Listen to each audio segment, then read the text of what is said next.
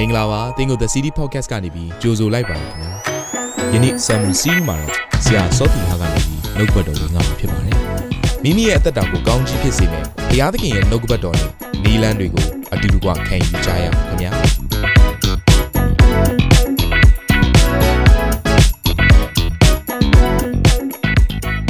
အော်နေကောင်းပါသလား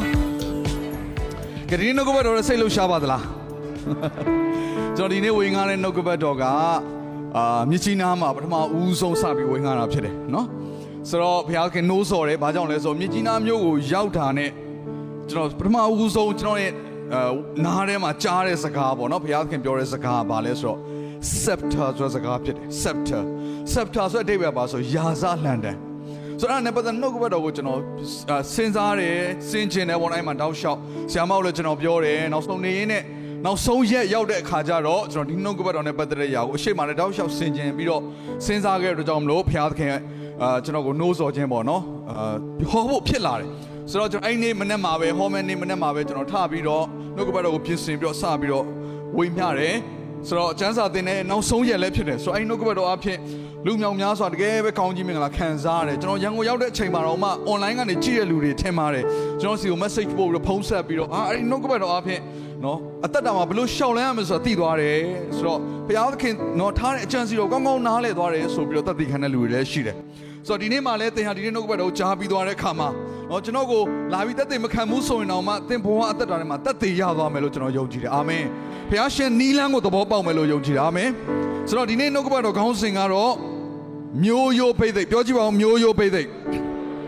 ဒီနေ့အဖြစ်ပြောမယ်ဆိုအမျိုးအနွယ်နဲ့ဆိုင်တဲ့ဖိတ်သိက်ဖြစ်တယ်အင်္ဂလိပ်လိုဆိုတော့ tribal anointing ပေါ့နော်မျိုးနွယ်စုတွေအသီးသီးရှိကြတယ်ကမ္ဘာပေါ်မှာမြန်မာပြည်မှာလည်းရှိကြတယ်နော်ချင်းလူမျိုးမှာဆိုရင်လည်းအများကြီးထပ်ပြီးတော့ရှိသေးတယ်ချင်းလူမျိုးဆိုရင်လည်းအများကြီးထပ်ပြီးတော့ရှိသေးတယ်စသဖြင့်ဆိုအမျိုးနွယ်အသီးသီးလိုက်သူ့မှာနော်အရေးချင်းတွေရှိတယ်နော်သူ့ရဲ့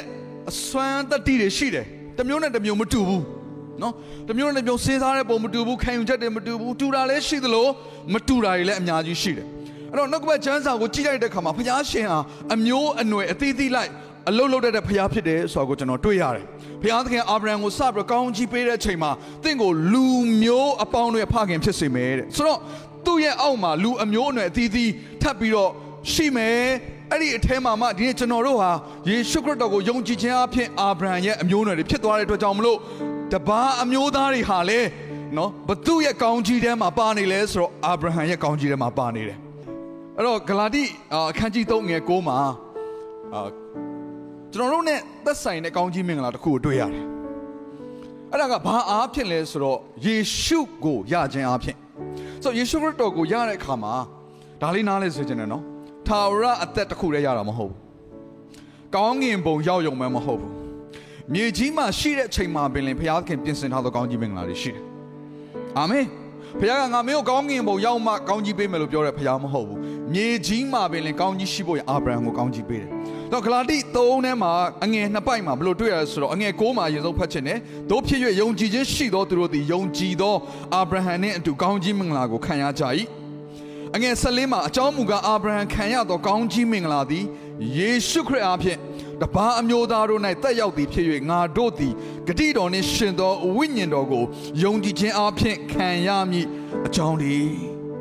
ဆိုယုံကြည်ခြင်းအားဖြင့်ဘသူရဲ့ကောင်းကြီးမင်္ဂလာကိုကျွန်တော်တို့ရလဲဆိုတော့အာဗြဟံ။အဲကြောင့်အာဗြဟံကိုဘုရားကကောင်းကြီးပေးတဲ့အခါမှာကျွန်တော်တို့အားလုံးတော့ပါပြီးသားဖြစ်တယ်။ဟာလေလုယာ။ဘေးကလူကိုကြည့်လိုက်ပါဦး။ငါတို့ကအမျိုးတွေနော်လို့တခါတည်းပြော။ အာမင်။ငါတို့ရဲ့ကောင်းကြီးကအရန်ကြီးမားတယ်လို့သတိပေးလိုက်ပါဦး။ဟာလေလုယာဆိုတော့အာဗြဟံကိုဘုရားကောင်းကြီးပေးတော့အာဗြဟံကနေဣဆက်ဣဆက်ကနေယာကုပ်ယာကုပ်လက်ထက်ကိုရောက်လာတဲ့ခါမှာယာကုပ်ရဲ့အသက်တာထဲမှာမပြည့်စုံမှုတွေနော်လိုအပ်မှုတွေအများကြီးနဲ့တခါတည်းပူဆွေးမှုဝမ်းနည်းမှုကြောက်ရွံ့မှုတွေနဲ့သူပြေးလွှားပုံရှောင်သူတစ်ပါးစီမှာကြုံခံနော်သူချစ်တဲ့မိန်းမတယောက်ရဖို့အတွက်နှစ်ပေါင်းများစွာကြုံခံမှားပြီးတော့နောက်တစ်ယောက်ကရလိုက်သေးတယ် အဲ့လိုမျိုးစသဖြင့်အမျိုးမျိုးသောຢာတွေကြုံတွေ့ရပြီမဲ့နောက်ဆုံးမှာ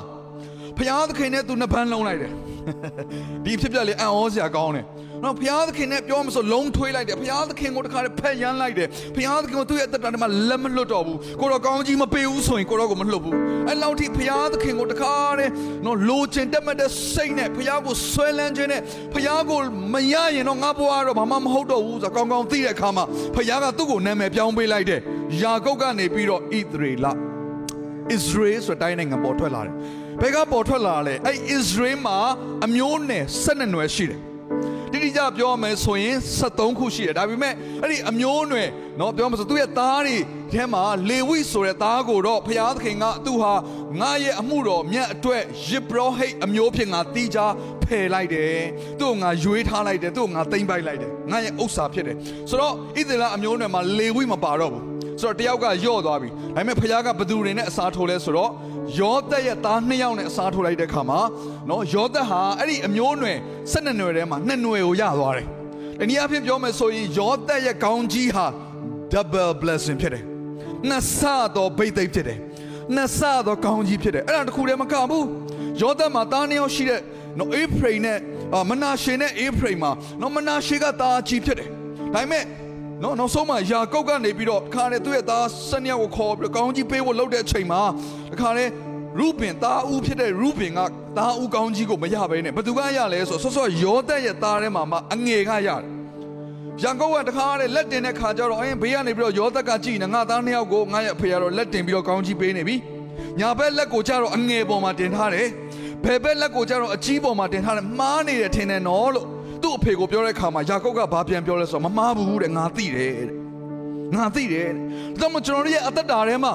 ဒီဖရာသခင်ဟာနော်ကောင်းကြီးမခံထိုက်ဘူးလို့ကျွန်တော်တို့ယူဆထားတဲ့ယူဆထားတဲ့လူတွေကိုဖခင်ကထူးခြားသောကောင်းကြီးနဲ့လည်းပြည့်စုံတတ်တယ်အာမင်သင်ကသာဖခင်ကိုလိုအပ်တဲ့ဆိုရင်သင်ကသာဖခင်ကိုလိုချင်တတ်မှတ်တဲ့ဆိုရင်ဟာလေလုယာဖခင်ကိုဆွဲလန်းတဲ့ဆိုရင်နေရင်ထိုင်ရင်လည်းတပတ် blessing ရောက်လာနိုင်တယ်အာမင်အာမင် ဒီအသင်းတော်ပေါ်မှာရှိတဲ့ကောင်းကြီးမင်္ဂလာအဲ့ဒီကောင်းကြီးမင်္ဂလာဖြစ်တယ်ဘာကြောင့်လို့ဒီနေ့ကျွန်တော်တို့ကောင်းကြီးမင်္ဂလာခံစားတဲ့အာဗြဟံကဆင်းသက်လာတဲ့ဒီဣသရေလလူမျိုး12နွယ်ရဲ့ကောင်းကြီးမင်္ဂလာကိုကျွန်တော်လေ့လာမယ်ဒီနေ့မှာအားလုံးအတွက်လေ့လာဖို့အချိန်မရတဲ့ကြောင့်မလို့အချို့သောနော်မျိုးနွယ်တွေကိုကျွန်တော်ခြံထားပြီးတော့အရေးကြီးတဲ့အရာတွေကိုပဲကျွန်တော်တို့လေ့လာကြရအောင်ပထမဦးဆုံးဒီအမျိုးနွယ်12နွယ်အကြောင်းကိုကျွန်တော်စပြီးတော့ပြောချင်ပါတယ်ဆိုတော့ဒီအမျိုးနွယ်12နွယ်ဟာမြေကြီးမှာပဲပြီးသွားမယ့်အရာတခုမဟုတ်ဘူးကောင်းငင်နဲ့လည်းသက်ဆိုင်တယ်ဗျာဒိတ်ချမ်းကိုဖက်လိုက်တဲ့အခါမှာ ယေရုရှလင်မြို့သစ်ကိုတွေ့ရတယ်ဗျာဒိတ်ချမ်းထဲမှာအဲ့ယေရုရှလင်မြို့သစ်ရဲ့တကား gate 12 gate ဟာဣသရေလလူမျိုး12နွယ်ရဲ့နာမည်ဖြစ်တယ်နော်ဆိုတော့ဒီဣသရေလ12နွယ်ဘယ်ကနေပေါ်လာလဲဆိုတော့ယာကုပ်ရဲ့ဇနီးတဲ့နှစ်ယောက်ကနေပေါ်လာတယ်နော်ယာကုပ်ကဇနီးနော်အာအာမိန်းမနှစ်ယောက်ပေါ့လေသူကယူတယ်အဲ့တော့အဲ့ကနေပြီးတော့တခါတည်း အာဖျားသခင်ကောင်းကြီးပေးတဲ့12နွယ်ပေါ်လာတယ်ဆိုတော့ငါတို့လည်းဖျားကောင်းကြီးပေးမှာပဲဆိုပြီးတော့မိန်းမနှစ်ယောက်ယူဖို့မကြိုးစားပါနဲ့ညီကိုတို့အာမင်လည်းမထူးကြပါနဲ့တကယ်တော့သူကသူလိုချင်လို့ရတာမဟုတ်ပါဘူးသူလိုချင်တာရာခေလာကိုလိုချင်တာအငယ်ဒါပေမဲ့ကြုံခံပြီးတော့ပြီးတဲ့ပြီးတော့နော်ငါကိုကဲအချိန်တန်ပြီနော်အခုအလုတ်ကျွေပြုတ်ပြီးသွားပြီမိမပေးစားပါတော့ဆိုတော့သူ့ရဲ့ရောက်ခမကပေးစားလိုက်တာအကြီးဖြစ်သွားတယ်နော်သူတို့ခေခါက သူတို့ရဲ့ရိုးရာကြောင့်လည်းဖြစ်နိုင်ပါတယ်နော်မျက်နှာတွေပဲဖုံးကွယ်ပြီးတော့တခါတည်းအိမ်တော်ပြူအိုက်ခက်ကလျှက်စစ်မီလည်းမရှိသေးဘူးလေဆိုတဲ့ခါကျတော့ဟာမနဲ့မိုးလင်းတော့မှကြည့်လိုက်နေထွက်တော့ကြည့်လိုက်တော့မှရာခေလာမဟုတ်ဘူးလေအားဖြစ်နေတယ်အကြီးဖြစ်နေတယ်အဲ့နဲ့ယာကုပ်ကဟောယောအဲ့နဲ့ယာကုပ်ကဟာပွားတာပဲဆိုပြီးမပြောဘူးနော်သူမဟုတ်ဘူးတဲ့မားနေတယ်တဲ့မားနေတယ်တဲ့အငယ်ကိုလိုချင်တာလေတဲ့ရာခေလာကိုလိုချင်တာဆိုအော်တဲ့ငါတို့စီမှာတဲ့ ထုံးစံကတဲ့အကြီးယူပြီးမှအငယ်ယူရတာဒါကြောင့်မကြော်လို့မရလို့တဲ့စင်ကြေပေးတာပေါ့လေနော်သူ့ရဲ့ရောက်ခမကအမှန်မှန်တော့လှည့်စားပြီးတော့တခါနောက်ထပ်သူ့ကိုကြုံထပ်ပြီးတော့လောက်ခိုင်းပြန်တယ်ဒါနဲ့အရန်လိုချင်တယ်အရန်လဲချစ်လို့ရာခေလာကိုချစ်လွန်အားကြီးလို့သူကတခါတည်းနော်ကြုံခံလိုက်တာအချိန်လဲရောက်လဲရောက်လာကဲပေးတော့ဆိုတော့အဲ့ဒီအခါကျမှရတယ်ဆိုတော့နေထိုင်မနေရောက်ရလဲမိမနှစ်ယောက်အဲ့ပြဿနာကအဲ့မှာပဲပြီးမသွားဘူးတယောက်ထဲတော့မှပြဿနာအများကြီးနှစ်ယောက်ဆိုစဉ်းစားကြည့် တယောက်နဲ့တယောက်အပြိုင်ဆိုင်ရှိတယ်ဟာယောက်ျားရဲ့မျက်နှာသားကိုလိုချင်တဲ့ခါကျတော့အပြိုင်ဆိုင်ရှင်ကနေပြီးတော့ဘာကိစ္စပေါ်လာလဲဆိုဣသရေလလူမျိုးမှာသိတဲ့အတိုင်းပဲတားတားတွေမွေးပေးတဲ့အရာကသူတို့ကကောင်းကြီးမင်္ဂလာလို့ခံယူတဲ့ခါကျတော့ လေအားကနေပြီးတော့ငါ့ကိုတော့မချစ်ဘူးဆိုတာ तू ကောင်းကောင်းသိမှာပေါ့ဒါပေမဲ့လည်းငါယောက်ျားအတွက်သားကိုမွေးဖွားပေးမယ်ဆိုရင်တော့ငါမျက်နှာသာရမှာပဲဆိုပြီးတော့ပထမဦးဆုံးသားမွေးလိုက်တာရူဘင်ကဲစောစောဆရာလေးပြထားပါအောင်ကျေးဇူးတင်တယ်နော်ဆရာဒီမျိုးနွယ်ဆက်နက်နွယ်ပြောတဲ့အချိန်ထိအဲ့ဒါလေးပြထားပေးပါဟုတ်ပြီရူဘင်ရူဘင်ကနော်ဒါလေယာကနေပြီးတော့စပြီးတော့အာမွေးဖွားလာတာဖြစ်တယ်ဆိုတော့အဲ့တော့ဒီမှာလည်းကြည့်ပါနော်အာရာခေလာကကြတော့အချစ်ခံရတယ် လေအားကြတော့သူ့ယောက်ျားရဲ့အချစ်ကိုမခံရဘူးဆိုတော့သူကငါသားရငါငါကသားယောက်ျားမွေးပေးလိုက်ရင်ငါငါရဲ့ခင်မိုးတယ်တော့ငါ့ကိုချစ်မှာပဲလို့ထင်တာယာကုပ်ကသူ့ကိုလှည့်တော့မကြည့်ဘူးဒါနဲ့ဒုတိယသားမွေးလာတယ်ရှိမောင်ဖြစ်တယ်ရှိမောင်ကကြတော့အော်ငါကိုငါယောက်ျားမချစ်တဲ့အရာကိုနော်အခုတော့ तू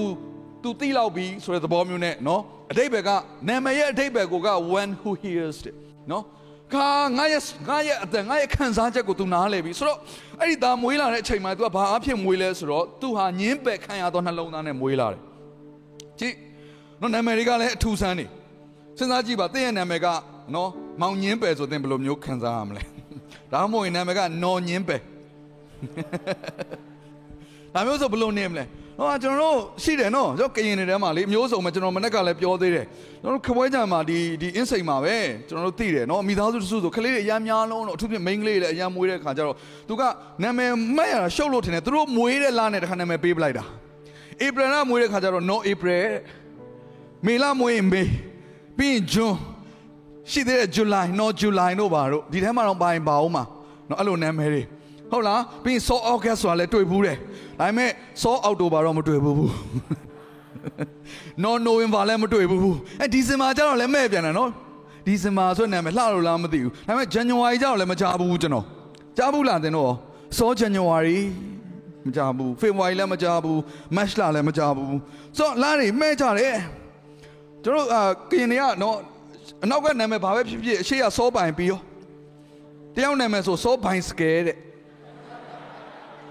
ဘာဖြစ်လို့အဲ့လိုမဲ့လိုက်လဲမသိဘူးခံစားချက်နဲ့လေမြင်တဲ့ຢာတွေအဲ့လိုမျိုးမဲ့တတ်တယ်နော်စောပိုင်စာတို့ဘာလို့မကြဘူးလားဆရာတော့မကြဘူးအဲ့အဲ့ချင်းတော့ဒါပေမဲ့ကျွန်တော်တို့တွေဘလောက်ပဲနော်အဲ့နာမည်တွေရှိရှိရခိုင်ရိုးမမှာရှိတဲ့ချင်းလူမျိုးတွေမမီဘူးသူတို့ကကြတော့ယာတိဥရုနဲ့မှဲ့တာကျွန်တော်တွေးခဲ့တယ်မိသားစုစုခလေးနာမည်မေးကြည့်တာမိန်းကလေးတွေຫນွေမမမိုးမမ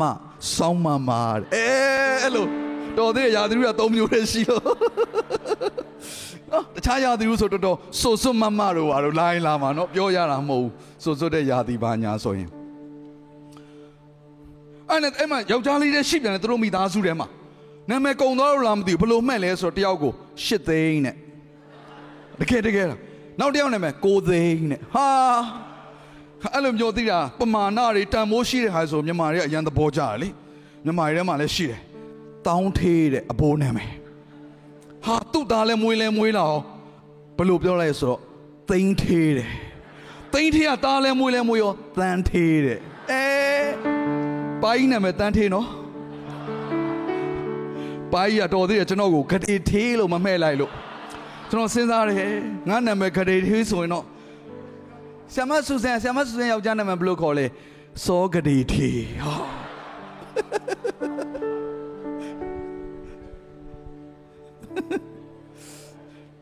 ဒီနေ့တရားဟောမှာဘာတူလဲဆရာစောဂတိထေး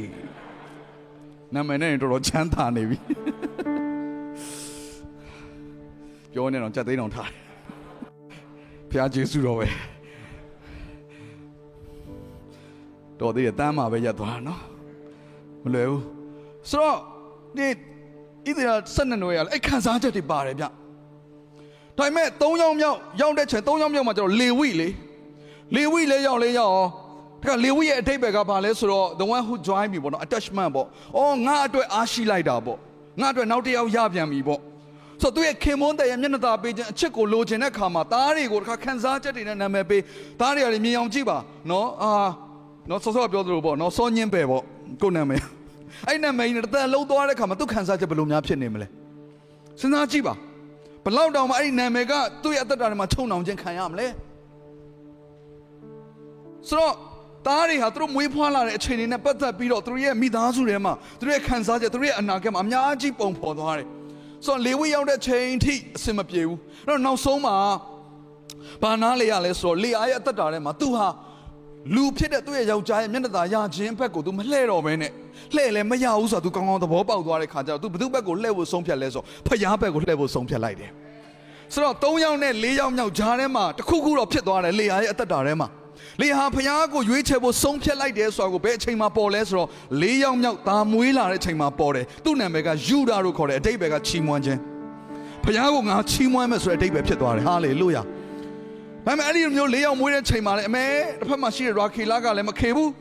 ဖြစ်ချင်တော့သူကမြုံနေတဲ့ခါကျမဖြစ်ဘူးငါသားမွေးမှဖြစ်မယ်လေယာကငါယောက်ျားကိုအရန်ဆွဲဆောင်နေတယ်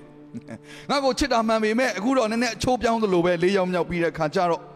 ဒါနဲ့တခါတည်းသူကငါတော့မမွေးနိုင်ပေမဲ့ငါမှကြုံမရှိတယ်ဆိုပြီးတခါတည်းတော့သူ့ရဲ့ကြုံမကိုသူ့ယောက်ျားနဲ့ဘေးအိပ်ပြီးတော့သားနှစ်ယောက်ရတယ်နေရင်ထိုင်ရင်ယာကုပ်ကထီပေါက်ပြန်တယ်အဲ့ဒါမကောင်းဘူးအဲ့တော့ဘာဖြစ်လဲနောက်ထပ်တယောက်ကကျတော့နှစ်ယောက်မွေးတယ်ဒန်နဲ့နော်နတ်သလီနဲ့မွေးပြန်တယ်မွေးလာရင်ကတခါနောက်နောက်ထပ်တခါအာ နော်အဲ့ဒီမှာအပြိုင်ဆိုင်ဖြစ်လာပြန်တယ်နော်ဟာသူ့ကြုံမကိုပေးအိပ်ပြီးတော့သားနှစ်ယောက်ရတယ်ငါမှလည်းကြုံမရှိတယ်ဆိုတော့တခါလေလေယာကနောက်ထပ်သူ့ရဲ့ကြုံမကိုသူ့ယောက်ျားနဲ့ပေးအိပ်လိုက်ပြန်တယ်ဖြစ်ချင်တော့ယာကုပ်ကတယောက်ပဲရှာတာမိမလေးယောက်ရသွားတယ်အဲ့ကောင်းကြီးတော့မလိုချင်တဲ့ညီကိုတို့မလိုချင်တဲ့မကောင်းဘူးနော်တယောက်နဲ့တော့မလွယ်ဘူးနော်ဟုတ်တယ်လေအာရန်ကိုပြောတာအေဝါနဲ့တော့ဒုက္ခတွေရောက်နေတာယာကုပ်မြင်အောင်ကြည့်ပါ ယာကုပ်ဟာအင်တန်မှအကြမ်းအာယုံမှာတော်တော်အားကောင်းတဲ့လူဖြစ်မယ်လူ၄ယောက်ရဲ့အမျိုးသမီး၄ယောက်ရဲ့ပြောတဲ့အတန်ကို तू နားထောင်နေဆိုသူ့ရဲ့အကြမ်းအာယုံကတော့တော်တော်လေးကိုခံနိုင်ရှိတဲ့သဘောဖြစ်တယ်ညနေကျရင်တော့ဟင်ကောင်းကောင်းမစားတော့ဘူးထင်တယ်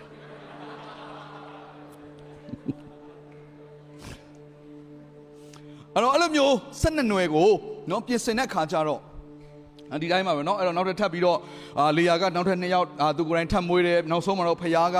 နော်ရာခိလာရဲ့ဆူတောင်းတန်ကိုနားညောင်းပြီးတော့ယောသက်ယောသက်ရဲ့အထိပ္ပယ်ကပါလဲဆိုဖယားကိုအော်ဟစ်ပြီးတော့ရတဲ့သားတဲ့ဖယားရှိမှငိုကြွေးပြီးတော့ရတဲ့သားပြီးတော့နောက်နောက်ဆုံးတစ်ယောက်ကတော့ဘင်ဂျမင်ဆိုပြီးစပြီးတော့ဒါဣသေလ12နွယ်ပေါ့အဲ့ထက်မှာလေဝိက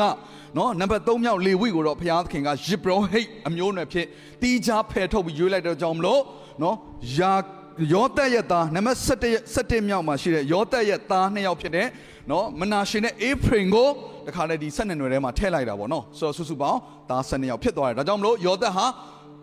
double blessing ကိုရတဲ့နော်သူဖြစ်လာတယ်ဒါကြောင့်ကျွန်တော်တို့အသင်းတော်တွေပေါ်မှာရှိတဲ့ဖခင်ရဲ့ကောင်းကြီးကဘာလဲလို့ပြောရင်ယောသက်ရဲ့ကောင်းကြီးလည်းရှိတယ်အာမင် အသင်းတော်လို့ပြောရင် the city အသင်းတော်ပေါ်မှာရှိတဲ့ကောင်းကြီးဟာတကယ်ကိုယောသက်ရဲ့ကောင်းကြီးလို့ပြောရဲဆိုရင်သင်အပေါ်မှာလည်းရှိတဲ့ကောင်းကြီးမင်္ဂလာဖြစ်တယ်အဲ့ကောင်းကြီးမင်္ဂလာဘာလဲဆိုတော့ double blessing ပြောပါအောင် double blessing နှစ်ဆတော့ပိတ်သိပြောပါအောင်နှစ်ဆတော့ပိတ်သိအာမင်ပြီးတော့နောက်နောက်ထပ်ဘာကောင်းကြီးရလဲဆိုတော့တာဦးပိတ်သိပြောပါအောင်တာဦးပိတ်သိပြောပါအောင်တာဦးကောင်းကြီးမင်္ဂလာအာမင်ယေရှုခရစ်တော်ဟာလည်းတာဦးမဟုတ်ဘူးလား ယေရှုခရစ်တော်အားဖြင့်ဒီနေ့အသင်းတော်ပေါ်မှာဆက်ပြီးတော့ကောင်းကြီးမင်္ဂလာစီးဆင်းလာတယ်ဆိုတော့ဒီမျိုးနွယ်တွေကိုဖခင်ကကောင်းကြီးပေးတဲ့အခါမှာနော်ကောင်းကြီးပေးတဲ့အာသူ့ရဲ့ဘိတ်သိက်တွေကမတူဘူးဥမာလေဝိဆိုရင်ယေဘရဟိကျွန်တော်သိပြီးသွားပြီခါဣဒခာဣဒခာမျိုးဆိုရင်တခါသူကဘာလဲဆိုရင် prophet ဘိတ်သိက်ရှိတယ်သူကအချိန်ကာလတွေကိုပိုင်းခြားနားလည်နိုင်တယ်ဆိုတော့ဆ iam ဆူဇန်ကျွန်တော်နော်တစ်ခေါက်ပြောဘူးတယ်အဲ့ခါကျမှကျွန်တော်လည်းသတိထားမိတာပေါ့သူကဘာပြောဆိုဒယ်ဒီတဲ့ဒယ်ဒီပေါ်မှာရှိနေတဲ့ဘိတ်သိက်ဟာဣဒခာမျိုးရဲ့ဘိတ်သိက်ရှိနေတယ်လို့ နော်ထင်ထင်ရှားရှားရှိနေတယ်ဆိုတော့ तू မြင်ရတယ်တဲ့အဲ့ဒါဘာလဲဆိုတော့ prophetness prophet စုဂျေဇုပေါ့ပြောရမယ်ဆိုအနာဂတ်ကိုဘုရားခင်ဖွင့်ပြတယ်အနာဂတ်ကိုဖွင့်ပြလိုက်တဲ့ခါမှာဒီအချိန်မှာငါဘာလုပ်ရမလဲအနာဂတ်တော့ငါဘယ်လိုကြိုပြင်ရမလဲဆိုတော့ကောင်းကောင်းသိတယ်တော့ကျွန်တော်ဒီအသင်းတော်ကိုကျွန်တော်ကဥဆောင်တဲ့ခါမှာဆိုတော့ဘုရားသခင်ဖွင့်ပြချက်တွေအများကြီးရှိတယ်စောစောကလည်းဆရာမသက်သေခံသွားပါတယ်မြကြီးနားမြို့ကိုသွားတဲ့ခါမှာမသွားခင်တလအလိုကလေးကဘုရားကပြောနေပြီနိုးဆိုနေ သွားမြကြီးနားမြကြီးနားဆိုတဲ့အရာကအရန်သွားချင်တယ်ဒါပေမဲ့ဘာမှအကြောင်းပြချက်မရှိတော့ကျွန်တော်ဘယ်သူမှလည်းမပြောဘူးဒီတိုင်းပဲနေတယ်နော်မြကြီးနားမြို့မြို့ကလူတွေကိုကျွန်တော်အာနော်ဟိုဆက်သွယ်ပြီးတော့စုံစမ်းပြီးသွားရင်လည်းရပါတယ်ဒါပေမဲ့ဘာမှ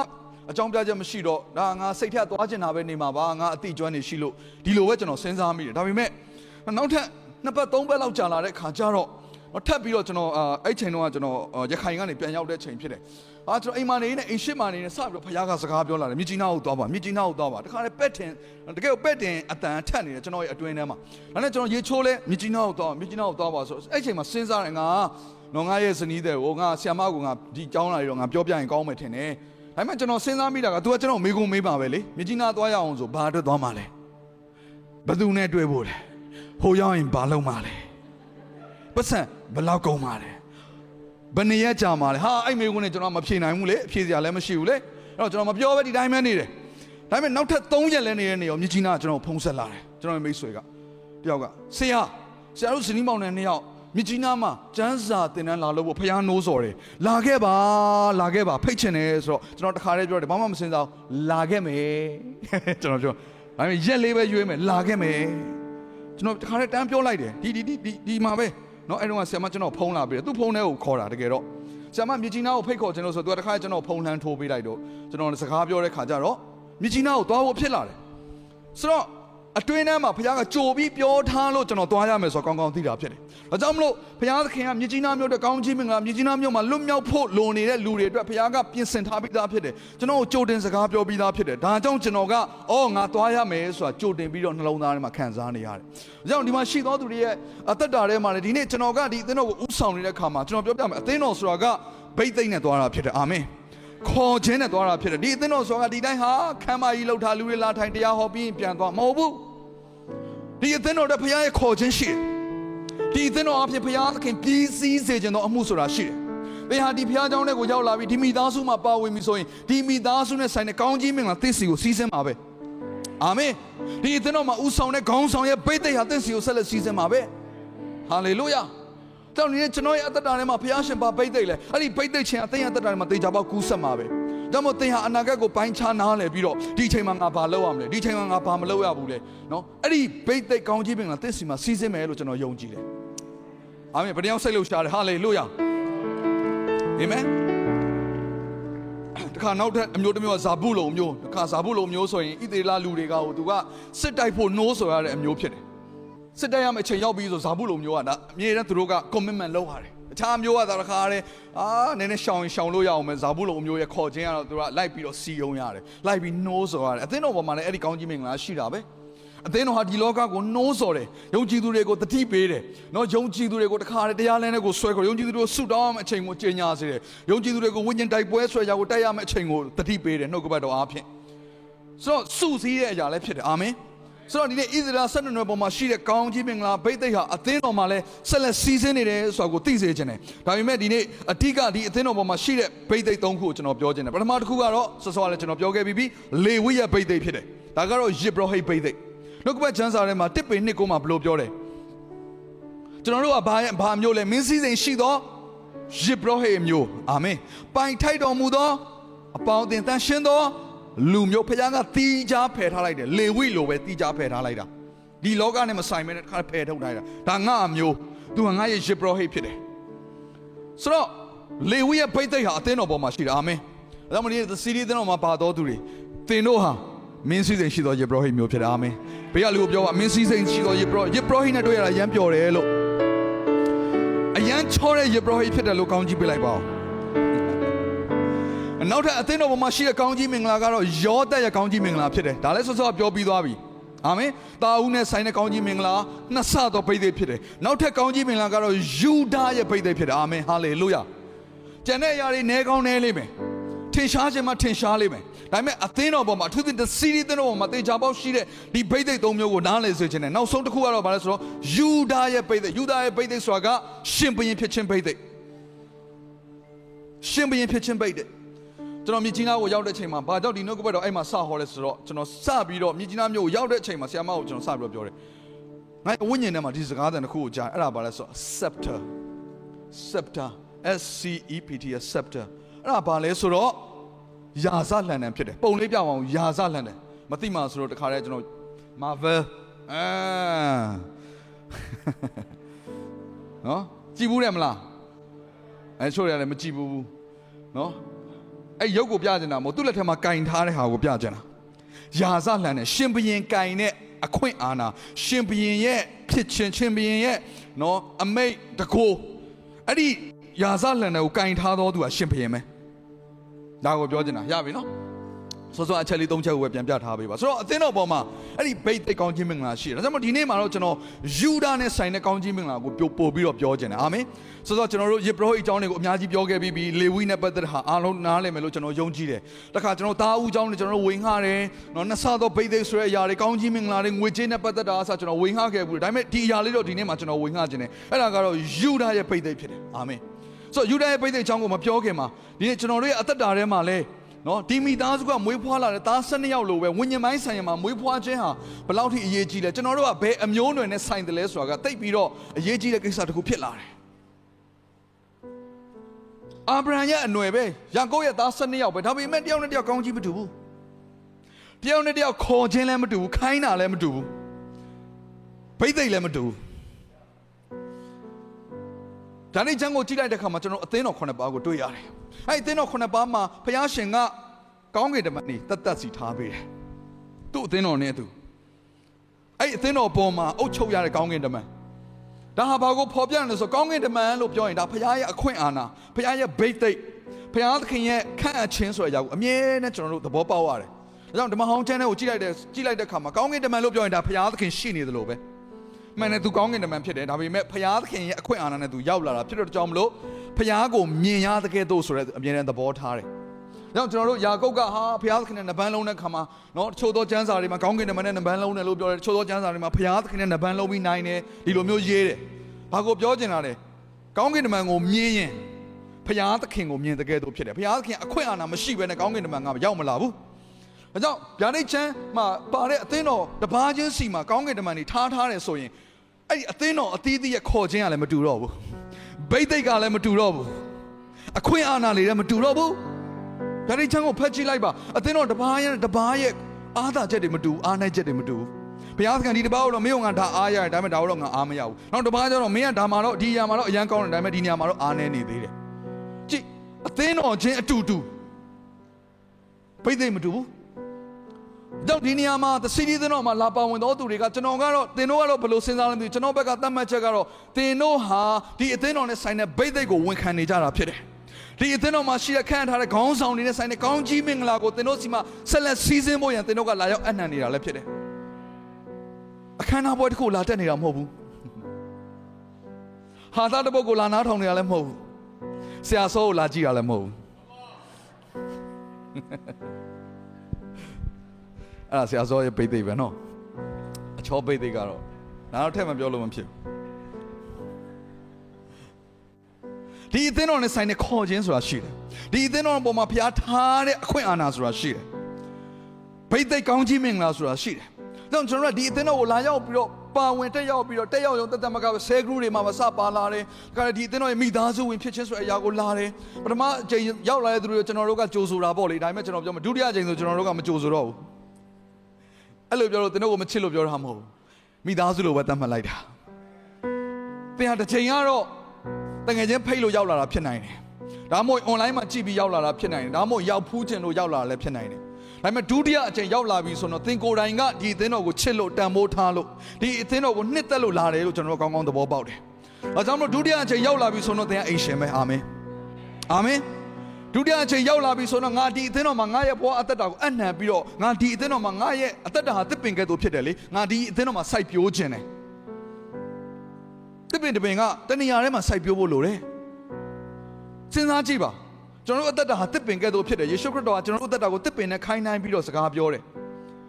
ဘုရားသခင်ရဲ့ဥယျာဉ်တော်မှာစိုက်ပျိုးတဲ့တစ်ပင်ကဲ့သို့ဖြစ်တယ်လို့ကျွန်တော်တို့နှုတ်ကပတ်ကျမ်းစာထဲမှာလည်းတွေ့ရတယ် ဘုရားသခင်ကောင်းကြီးပေးတဲ့လူတွေရဲ့အသက်တာဟာဘုရားသခင်ဥယျာဉ်တော်ထဲမှာစိုက်ပျိုးသောတစ်ပင်ကဲ့သို့ဖြစ်တယ်ဘုရားစိုက်ပျိုးပြီဆိုရင်တော့အသီးသီးမှာပဲအဲ့ဒီသီးထဲမှာလည်းမျိုးစေ့တွေပါမှာပဲအဲ့မျိုးစေ့တွေကလည်းတခါအောက်ကိုပြန်ကျပြီးအပင်ထပ်ပါအောင်မှာပဲတဖြည်းဖြည်းနဲ့တောအုပ်ကြီးဖြစ်သွားတယ်တပင်ထဲကစလိုက်တာဘာကြောင့်လဲဘုရားစိုက်ပျိုးလို့အာမင်ဒီအသင်းတော်ကဘုရားစိုက်ပျိုးသောတစ်ပင်ကဲ့သို့ဖြစ်တယ်ဆိုအယံထင်ရှားတယ်အစပြုတော့ကမျိုးစေ့လေးတစ်စိတ်ပါပဲ အခုတော့တောအုပ်ကြီးဖြစ်လာပြီဟာလေလုယာတာရွေးကြည်သောတောအုပ်ကြီးလည်းဖြစ်အောင်မယ်ရန်ကုန်မြို့မှာပဲပေါက်မှာမဟုတ်ဘူးတိုင်းနဲ့ပြည်နယ်အသီးသီးမှာအဲ့တောအုပ်ကြီးကပြန့်နှံ့သွားအောင်မယ်ဟာလေလုယာမြို့တွေရွာတွေကလွတ်မြောက်အောင်မယ်ကောင်းကြီးခံစားရအောင်မယ်ကျွန်တော်တို့သွားတဲ့နေရာမှာကျွန်တော်တို့နဲ့သက်ဆိုင်တဲ့ဘိတ်သိက်ကောင်းကြီးမင်္ဂလာအဲ့မြို့မှာစီစဉ်ပါပဲအခုတော့မြကြီးနားမှာစီစဉ်ခဲ့ပြီးတော့ပြန်ရောက်လာပြီဟာလေလုယာမကြခင်မှာနောက်ထပ်မြို့ရွာတွေလည်းလွတ်မြောက်အောင်မယ်ဘုရားသခင်လမ်းဖွင့်တဲ့အတိုင်းကျွန်တော်တို့ကသွားမှာပဲအာမင် ဆိုတော့ကြည့်ပါဒီအသင်းတော်မှာဘုရားရဲ့ကောင်းကြီးမင်္ဂလာရှိတယ်ညီကောင်မောင်မတို့အဲ့တော့လာရောက်တက်ရောက်ခြင်းဟာမတော်တဆမဟုတ်ဘူးဒါကြောင့်ကိုယ့်ရဲ့အသက်တာကိုငါစိုက်ပျိုးမယ်လို့စဉ်းစားပါတစ်ပင်တစ်ပင်ကိုတစ်ခါနဲ့ဒီဒီကနေပြီးတော့နှုတ်လိုက်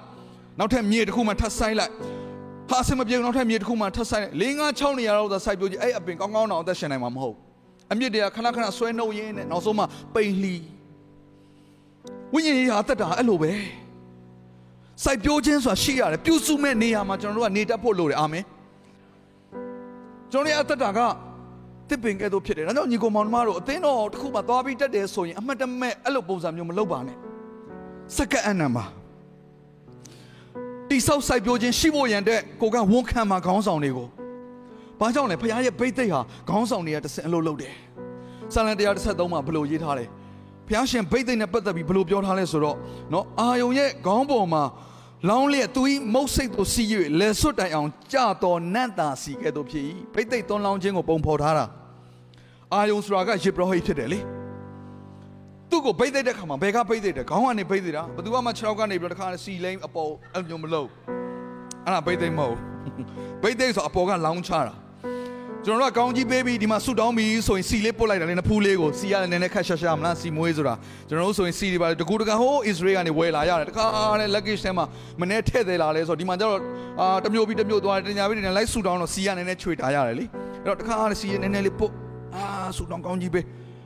ကျန်းစာထဲမှာဘိတ်သိက်ကအဲ့လိုမဟုတ်အဲ့တော့ဘုရားဗိသိက်ခိုင်းတော့မယ်ဆိုရင်အဲ့ဒီမှာရှိတယ်နော် prophet ပဲဖြစ်ဖြစ်ဘုရားရဲ့လူကိုပါခိုင်းလဲဆိုတော့မင်းရဲ့စီဘူးကိုစီဖြည့်ပါ။ ဘာကြောင့်လဲပြီးရင်အလောင်းရတော့မှာ तू ကဒါဝိတ်ကိုဗိသိက်တာမှလည်းအဲ့လိုဗိသိက်တာအခုအာယုံရဲ့ခေါင်းပေါ်မှာလောင်းနဲ့နော်နန့်တာစီကဲတော့ဖြစ်တယ်ဆိုတာဗိသိက်ချင်းကိုပြောနေတာလောင်းချတာအဲ့တော့အဲ့ဒီနန့်တာစီကခေါင်းကနေပြီးတော့မုတ်စိတ်လဲစွတ်တခါနဲ့နောက်ဆုံးမှဘဲထိတယ်ခြေစွတ်တိုင်အောင်တကိုယ်လုံးကိုစီးကြသွားတာကြည့်ပါအသင်းတော်ရဲ့ဦးခေါင်းဟာယေရှုခရစ်တော်ဖြစ်တယ်ဟာလေလုယာဒါကြောင့်ယေရှုခရစ်တော်ရဲ့ကောင်းကြီးမင်္ဂလာအားလုံးဟာအသင်းတော်ပေါ်မှာစီစဉ်တယ် အာမင်ယေရှုခရစ်တော်ခံရတဲ့ဝိညာဉ်တော်ရဲ့ဗိသိက်အသင်းတော်ပေါ်မှာစီစဉ်တယ်ယေရှုခရစ်တော်ခံရတဲ့တာဦးဗိသိက်အသင်းတော်မှာစီစဉ်တယ်လွတ်မြောက်ခြင်း oh double blessing အကုန်လုံးအသင်းတော်ပေါ်မှာစီစဉ်တယ် hallelujah woo တော့ယေရှုခရစ်တော်ကအသင်းတော်မှာသူ့ကိုယ်စားဘာခန့်ရလဲဆိုအမှုတော်ဆောင်တွေခန့်ရတယ်အဲ့ဒါကိုဘာလို့ခေါ်လဲဆိုတော့ leadership လို့ခေါ်တယ်အသင်းတော်ရဲ့ခေါင်းဆောင်တွေလို့ခေါ်တယ်အခုကျွန်တော်အပါဝင်အသင်းတော်ရဲ့ခေါင်းဆောင်ဆိုတာရှိတယ် ဘာအတွက်လဲဖခင်ခင်ကဒီအသင်းတော်ကိုပြုစုဖို့ရန်စိုက်ပျိုးဖို့ရန်တိဆောက်ပင်ဆော့ဆော့တစ်ပင်တစ်ပင်ကိုတခါတည်းပြုစုသလိုပဲပြုစုရတယ်တိုးတွေကိုပြုစုသလိုပဲပြုစုရတယ်လေ့ကျင့်ရတယ်ဘာအတွက်လဲယေရှုခရစ်တော်နဲ့တူလာအောင်ရင့်ကျက်ခြင်းစီတို့ရောက်လာအောင်ဖခင်ပုံထင်ရှားအောင်ဟာလေလုယာ။အိုးဖခင်သခင်ရဲ့မျက်မှောက်တော်ဖခင်သခင်တကိုးတော်စီစဉ်ရအရဲ့ကောင်းကင်တကဝါဖြစ်လာအောင်ပုံသက်တွေဖြစ်လာအောင်အိုးအသင်းတော်မှာပြုစုရတယ်အဲ့မှာခေါင်းဆောင်ဆိုတာရှိတယ်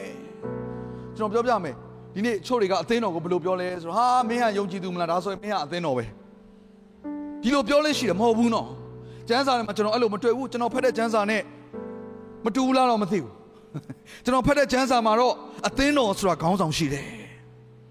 ။အသင်းတော်ဆိုတယောက်တည်းကိုပြောတာမဟုတ်ဘူးဖခင်ရဲ့ဗိမ္မာန်တော်ဟာကြောက်တစ်လုံးနဲ့နဲ့ဆောက်တာမဟုတ်ဘူးကြောက်တဲ့တစ်လုံးပြီးတစ်လုံးထပ်ဆင့်တိဆောက်တာဖြစ်တယ်အဲ့ဒီအထဲမှာဝိညာဉ်တော်ကကျင်းဝတ်တာဖြစ်တယ်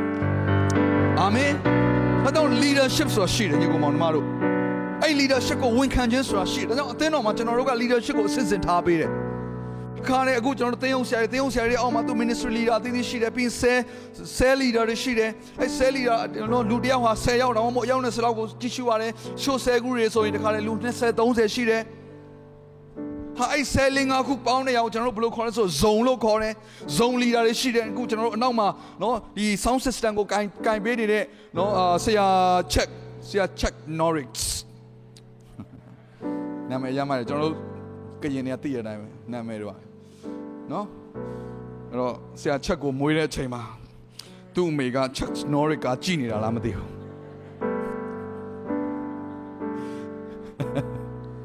သူ့နာမည်ပေးလိုက်တယ် Saw Check Norris အနောက်မှာဆက်လေးကင်နေတာပါဒါပေမဲ့သူကလူ100ကျော်ကိုဥဆောင်တဲ့ခေါင်းဆောင်ဖြစ်တယ်ဇုံလီဒါဖြစ်တယ်သူ့အမှာ73လေးခုရှိတယ်ဆဲတစ်ခုမှ20ကျော်ရှိတယ်ချို့ချို့ဆဲဆို30တောင်ကျော်တယ်စုစုပေါင်းတိတ်လူ100ကျော်ကိုဥဆောင်နေတဲ့ခေါင်းဆောင်တစ်ယောက်ဖြစ်တယ်အဲ့တော့ကြည့်လူ100လောက်ကသူ့ရဲ့ဥဆောင်မှုအောက်ကနေသွားရတယ် ဆိုကြည့်အသင်းတော်မှာခေါင်းဆောင်တွေရဲ့အသက်တာအသက်ရှင်မှုပုံသက်တွေဟာလည်းအရင်ရေးကြည့်လာပြန်တယ်အကြောင်းကျွန်တော်ပြောမယ်ဟိုကြုံရလူကိုခေါင်းဆောင်ခန့်လို့လည်းမရဘူးသူတို့ရဲ့ပုံသက်တွေသူတို့ရဲ့ဖျားကိုချစ်ကျွမ်းဝင်မှုသူတို့ရဲ့စိတ်ရှင်နိုင်မှုသီးခံနိုင်မှုသူတို့ရဲ့ဝိညာဉ်ရေးအသက်တာတွေကြည့်ရတယ်လိုအပ်ချက်ရှိနေကျွန်တော်တို့ကထိန်ချောင်ပြုတ်ပြီးဆွဲခေါ်ရတယ်အဲ့တော့ကျွန်တော်တို့ကထိတ်ဆုံးမှရှိနေတဲ့ခါကျတော့ကျွန်တော်တို့ကိုယ်တိုင်ကလည်းအရန်ကြူးဆိုင်ရတယ်ကျွန်တော်သာဆီယာမဆူဇန်နဲ့တစ်ချက်ချက်ရန်ဖြစ်ပြီးတော့ဒီနေ့တရားဟောမယ်ဆိုရင်တော့ဒီလိုဟောနိုင်မှာလည်းမဟုတ်ဘူး ကျွန်တော်သူ့ကိုပြောချင်တဲ့အရာတွေကိုနှုတ်ကပတ်တော်ကိုအခြေပြုပြီးသူ့ကိုပဲကျွန်တော်ပြောနေတော့မှာကျွန်တော်သာအိမ်တော်ရေးဖောက်ပြန်တဲ့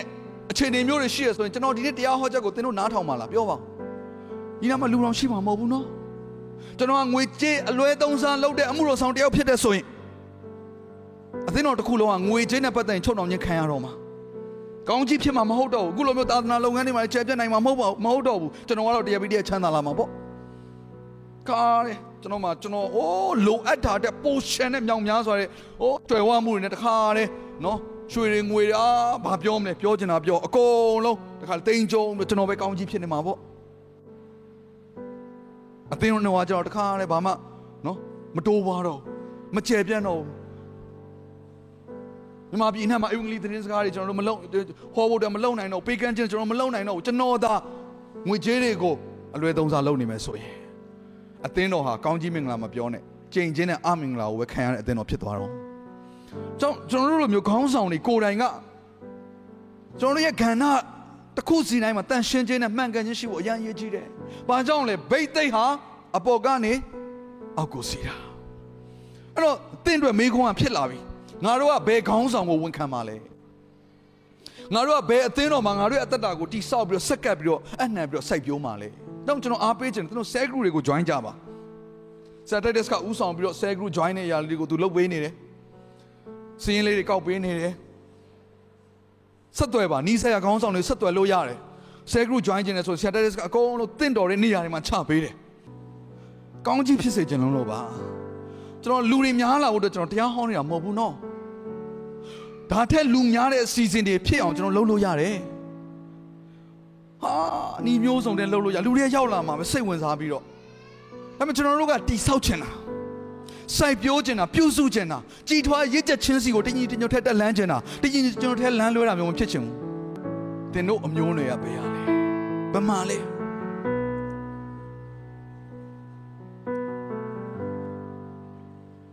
ဟုတ်တယ်လေဣသရေလဆက်နှစ်နွယ်ဟုတ်တယ်မလားဣသရေလလူမျိုးတွေတွေ့ရင်မေးမှာပဲလေမင်းဘယ်အနွယ်ရလဲမေးမှာပဲသူတို့ဒီဒီမှာပြောစရာရှိတယ် အဲ့လိုပဲလူတယောက်မင်းမင်းဘယ်အသင်းတော်တက်လဲပြောစရာရှိရမယ်အာငါဟိုမြို့ရဲအသင်းတော်လဲတက်တယ်မြို့လင်ရအသင်းတော်လဲတက်တယ်မြို့စွန်အသင်းတော်လဲတက်တယ်နေမှာဆိုရင်အမြဲတမ်းအဲ့ဒါတွေရှိတယ်မြို့ကသေးတယ်လေခရိယန်လည်းခက်နေနေဆိုအသင်းတော်တိုင်းအကုန်လုံးသူကလိုက်တက်ထားတာ Rolling Stone ခရိယန်လို့ခေါ်တယ်လိမ့်နာလိမ့်နာတခါတဲ့ဆိုအောင်လိမ့်ခါနဲ့ဂိုင်းပေါင်းစုံစူးပြီးတော့ဖရားလဲရှစ်လဲရှစ်ကိုတခါဂရုဆောင်တွေတက်ဆိုကြတယ်လေနှစ်ချင်းသင်းတော်ကတက်ပြီးဆိုကြတယ်သူပါတယ် ကဲကဲဒါပြီး AG သင်းတော်တက်လာတဲ့သူပါတယ်သူကစင်ဘောအောင်မစင်တော့ဘူးအသင်းတော်ဘောင်းစုံတက်ထားတာ哦နောက်ထပ်တစ်မျိုးလဲခေါ်သေးတယ်ကျွန်တော် butterfly christian ဟိုပန်းလေးနားလိုက်ဟိုပြီးဟိုပန်းလေးသွားနားလိုက်ပြီးဟိုပန်းလေးနားလိုက်တခါနဲ့ပန်းပေါင်းစုံခရိယန်ပန်းပေါင်းစုံဆိုတာဆေးပဲကောင်းတယ်ခရိယန်ဖြစ်ရတာမကောင်းတော့တင်ကဘယ်ကောင်းဆောင် ဘယ်အသင်းတော်ရဲ့ဗိတ်သိက်အောက်မှာငါကြီးထွားမလဲပြည့်စင်မှာညီကောင်မောင်တို့ဟာယေရှုခရစ်တော်ရဲ့ဗိတ်သိက်အောက်မှာပဲလေအဲ့လိုမပြောနဲ့အဲ့ဒါအသင်းတော်မဟုတ်ဘူးယေရှုခရစ်တော်ရဲ့ဗိသိက်ကအကုန်လုံးမှာရှိတယ်ဒါပေမဲ့အသင်းတော်တစ်ပါးနဲ့တစ်ပါးမတူကျွန်တော်စောစောပြောပြီးဗျာဒိတ်ကျမ်းထဲမှာအသင်းတော်9ပါးရှိတယ်ဘာကြောင့်ပြောရလဲအသင်းတော်တစ်ပါးနဲ့တစ်ပါးခေါ်ခြင်းမတူဘူးသင်ဟာဒီအသင်းတော်မှာပါဝင်ဒီအသင်းတော်ရဲ့ခေါ်ခြင်းတိုင်းသွားမှာပဲ ဒီအသင်းတော်အင်္ဂလိပ်တရားကိုဟောရဲဆိုရင်အင်္ဂလိပ်တရားထဲမှာပါသွားမှာပဲအင်္ဂလိပ်တရားနဲ့ဆိုင်တဲ့ကောင်းကြီးလဲသင်ရမှာပဲဟာမိသားစုနဲ့ပတ်သက်တဲ့ຢာနှုတ်ကပတ်တော်ကိုတွန်းတင်တယ်မိသားစုရဲ့တစ်ခုပြီးတစ်ခုတစ်ခါပျော်ကွဲတာကနေပြီးပြန်ပြီးစူးစီးလာတယ်အဲ့မိသားစုပိုင်းဆိုင်ရာ breakthrough သင်ခံစားရမှာပဲဟာဒီသင်းတော်မှာငွေချင်းနဲ့ပတ်သက်တဲ့ဖခင်အကောင်းကြီးပေးနေတယ်အကြီးကြီးဒီသင်းတော်မှာပါသောသူတွေရဲ့စီးပွားရေးလုပ်ငန်းတွေအောင်မြင်နေတယ်ဟာစီငွေချင်းချုံနှောင်ခြင်းနဲ့လွတ်မြောက်တယ်အကျွေးတွေကနေကြေးကုန်တယ်တရုပ်ဆရာလည်းအကျွေးမတင်ဘူးအမှုတော်ဆောင်တွေလည်းအကျွေးမတင်ဘူးအသင်းတော်တစ်ခုလုံးနဲ့အကျွေးပွားလွတ်မြောက်မယ် သိခံစားမှာပဲအကောင်းကြီးကိုအာမင်ဟာဒီအသင်းတော်ကိုဖခင်သခင်မြန်မာပြည်လုံးမှာတခါတည်းမြို့တွေရွာတွေကိုလိုက်ပြီးတော့တခါ breakthrough ဖြစ်ဖို့ရန်ဖခင်က breaker anointing ကိုပေးထားတယ်ဆိုရင်သင်ဟာသင်သွားတဲ့နေရာတိုင်းမှာ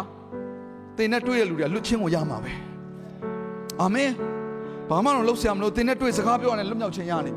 ဝမ်းမြောက်ခြင်းရနေဘဲကစီစဉ်လာတာလဲအသင်းတော်ကစီစဉ်လာတာအသင်းတော်မှာရှိတဲ့ခေါင်းဆောင်တွေကနေစီစဉ်လာတာညီကိုမောင်နှမတို့အဲ တော့မိကွန်းကရိုးရိုးလေးပါပဲသင်ဟာဘယ်ခေါင်းဆောင်ရဲ့အောက်မှာကြီးထွားနေသလဲတနည်းအားဖြင့်ပြောမယ်ဆိုသင်ဟာဘယ်ဘိတ်သိက်အောက်မှာကြီးထွားနေလဲဘေးကလူပြောအောင်မင်းနေရာမှန်ရောက်လာတယ်လို့ပြောပါအောင်မင်းလူမှန်နဲ့လည်းတွေ့တယ်လို့ကိုယ့်ကိုကိုယ့်ကိုလက်ညှိုးထိုးပြီးပြောတာမင်းလူမှန်နဲ့တွေ့တာလို့ကဲပြောလိုက်ပါငါဟာဘိတ်သိက်အမှန်အောက်မှာရောက်နေတယ်အာမင်ဟာလေလုယာ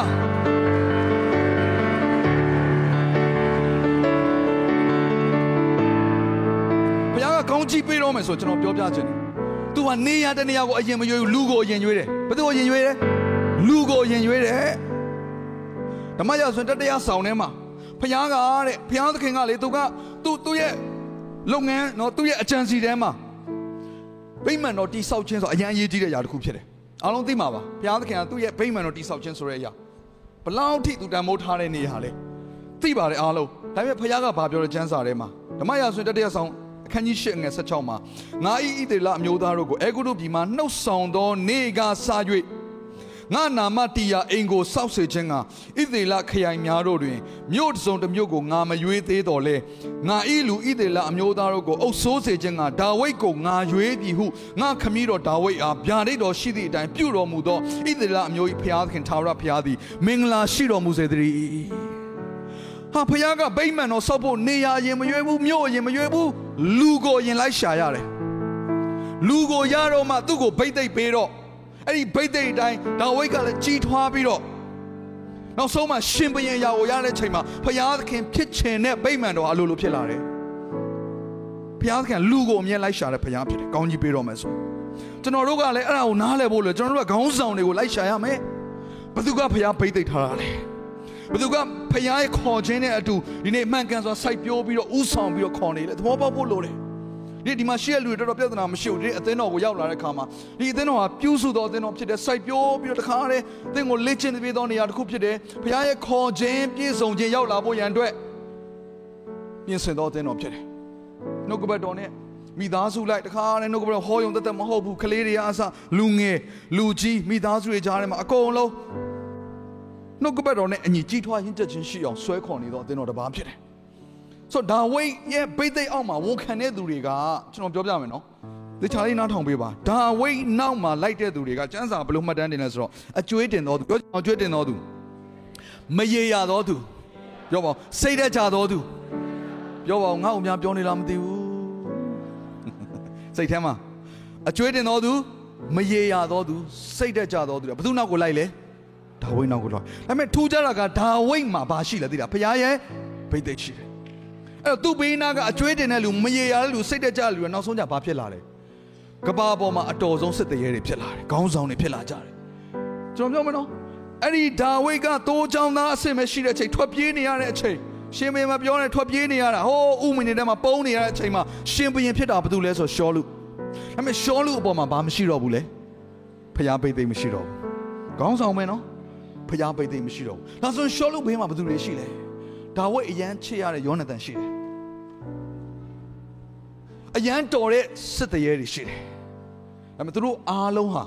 ရှောလူနဲ့အတူအကုန်သေးချေပျက်စီးသွားတယ်။သူတို့ဘာအမှားလုပ်မိလို့လဲ။အမှားအများကြီးမလုပ်မိပါဘူး။ဘာကြောင့်ပျက်စီးသွားရတာလဲ။သူတို့ဝန်ခံတဲ့ခေါင်းဆောင်ကြောင့်ဖြစ်တယ်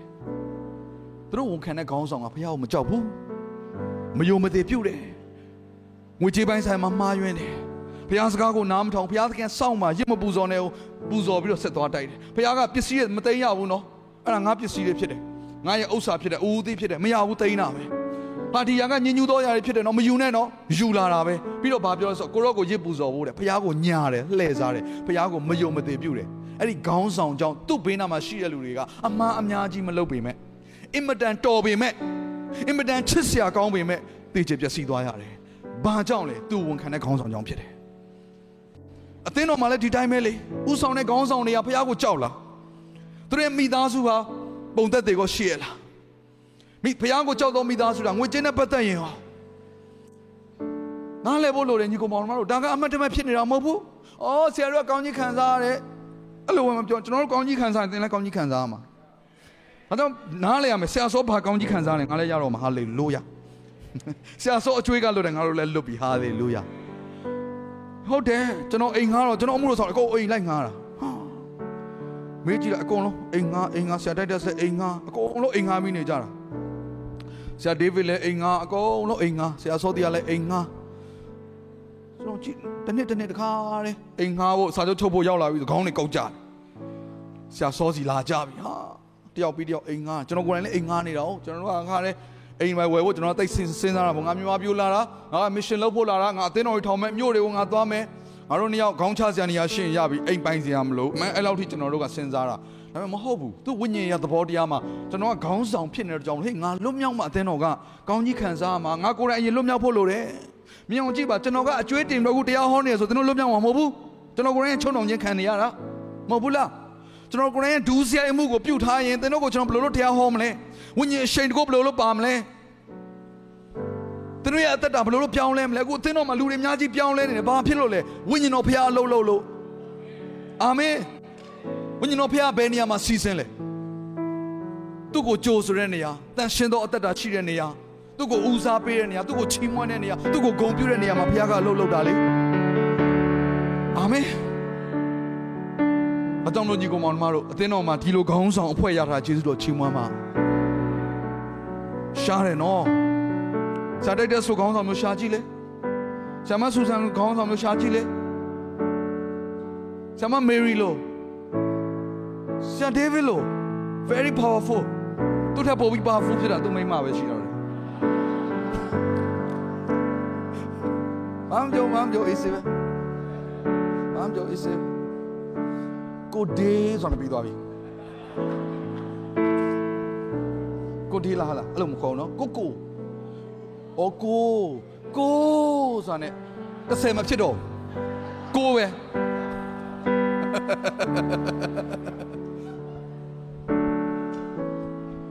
ကိုကိုလို့ခေါ်တာဘာတူလဲမေရီဆ iam မေရီထင်တယ်နော်စက်တရက်စခေါ်တာဟုတ်တယ်မလားကိုကိုဆိုတာနဲ့သူကသဲရီ တ်ဘူးဒီမှာမီတင်ရှိတယ်သဲရီပြန်လာခဲ့မယ်မီတင်ကဆက်လုပ်လို့မရတော့ဟိုအသေးကခေါ်နေပြီကျွန်တော်အာဗြဟံနဲ့လောတာအသက်တာကြည့်တဲ့အခါမှာအဲ့ဒါတွေ့ရတယ်လောတာအရန်ချမ်းသာတယ်တဲ့ဘယ်လောက်ထိချမ်းသာလဲသိလားထားစရာနေရာမြေမရှိလောက်အောင်ကျွယ်ဝလာတယ်တဲ့ဘာဖြစ်လို့ကျွယ်ဝရလဲအာဗြဟံနဲ့အတူရှိလို့အာဗြဟံနဲ့ခွဲလဲခွဲလိုက်အောင်မိသားစုကပြတ်သွားတာသားသမီးတွေ ဒူးစရိုက်တဲ့အကုန်ရောက်သွားတာသူကျွယ်ဝမှုတွေအကုန်လုံးပြတ်စီးသွားတယ်ဘိတ်သိက်ရှိတော်သူနဲ့အတူနေခြင်းကဘယ်လောက်ထိကောင်းကြီးမင်္ဂလာဖြစ်တယ်အာမင်အဲ့တော့အသင်းတော်ပေါ်မှာရှိကျွန်တော်တို့အသင်းတော်ပေါ်မှာရှိတဲ့ဒီနေ့ဘုရားရဲ့ဘိတ်သိက်ထဲကနော်စောစောကျွန်တော်ပြောခဲ့တဲ့ယူဒအမျိုးရဲ့ဘိတ်သိက်ဒါလေးကိုကျွန်တော်ပြန်ပြီးတော့ပြောခြင်းတယ်နော်စောစောကကျွန်တော်နော်ဘယ်လိုပုံစံနဲ့ဝိညာဉ်ရေးရမှာအသက်တာမှာကျွန်တော်တို့ကြီးပြင်းလာလဲဆိုတော့အရန်ရေးကြီးတယ်ဆိုတဲ့အရာလေးကိုပြောပြတာနော်လူမျိုးဆက်နေတယ်မှာသူတို့နော်သားတွေမွေးလာတဲ့ခါမှာခန်းစားချက်တွေအများကြီးနဲ့မွေးလာကြတာ နာမည်တွေကလည်းခါအထိပ်ပဲမျိုးစုံနဲ့မွေးလာကြတာကျွန်တော်ဝိညာဉ်ရမှာဒီတိုင်းပဲကျွန်တော်တို့ရဲ့ဝိညာဉ်ရကျမ်းမာဖို့လိုတယ်။အာအသင်းတော်နဲ့သင်းအုပ်ဆရာနဲ့သင်းထောင်းနဲ့တိုက်ခိုက်နေတဲ့အသင်းတော်မှာဘယ်လိုလုပ်အသင်းသားလွတ်မြောက်မလဲ။ကျွန်တော်ငယ်ငယ်ဆိုအဲ့လိုပဲအဲ့လိုအသင်းတော်တွေမှာပါခဲ့ရတယ်။အဲ့တော့ကျွန်တော်ကဘယ်လိုထင်လဲဆိုတော့နောက်ပိုင်းကျတော့အသင်းတော်ဆိုရန်ဖြစ်တဲ့နေရာလို့ပဲထင်တော့တယ်။ငယ်ငယ်လေးကအဲ့ဒါပဲကြားခဲ့ရလေ။သင်းအုပ်ဆရာကတခါတဲ့အောက်မှာထိုင်တဲ့သင်းထောက်လူကြီးတို့စူကျင်တာသူကပလင်ပေါ်မှာပဲစူတယ်။မျက်ချင်းဆိုင်မစူ။ ဆန်ဒေးရောက်ပြီဆိုအရန်ဖြစ်ကြတာပဲ။ MC ကပြန်တက်လာတယ်တခါသူပြောချင်တာပြန်ပြောသွားပြန်နောက်တစ်ယောက်ကတခါတက်လာပြန်သူပြောချင်တာပြောပြီးရန်နေဖြစ်နေကြတာပလင်ကိုအမိပြုတ်ပြီးတော့ဟာအသင်းတော်အသင်းတော်လူကြီးစီဝေးမိတယ်တခါထားပြီးတော့မထိုးရုံတမယ်ပဲထိုးတဲ့နေရာလည်းရှိတယ်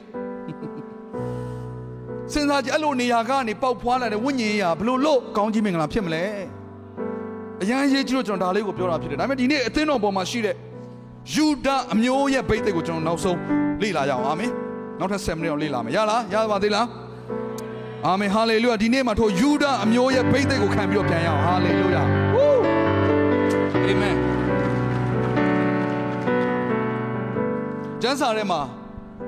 ယူဒအမျိုးနဲ့ပတ်သက်ပြီးတော့ဘိတ်သိက်ကိုဘသူစီမှာထင်ထင်ရှားရှားတွေ့ရလဲဆိုရင်ပထမဦးဆုံးတစ်ယောက်ကဒါဝိဒ်ဖြစ်တယ်ရှင်ဘုရင်ဘိတ်သိက် kinship အဲ့တော့ကပ္ပဦးကျမ်းခန်းကြီး49အငယ်8မှာဘယ်လိုပြောလဲဆို8 9မှာပေါ့နော်ယာကုပ်ကသူ့ရဲ့သားတွေကိုကောင်းကြီးပေးတယ်ကဲငါလည်းတေကနေပြီနော်ငါရဲ့အချိန်စိတ်ကနေပြီ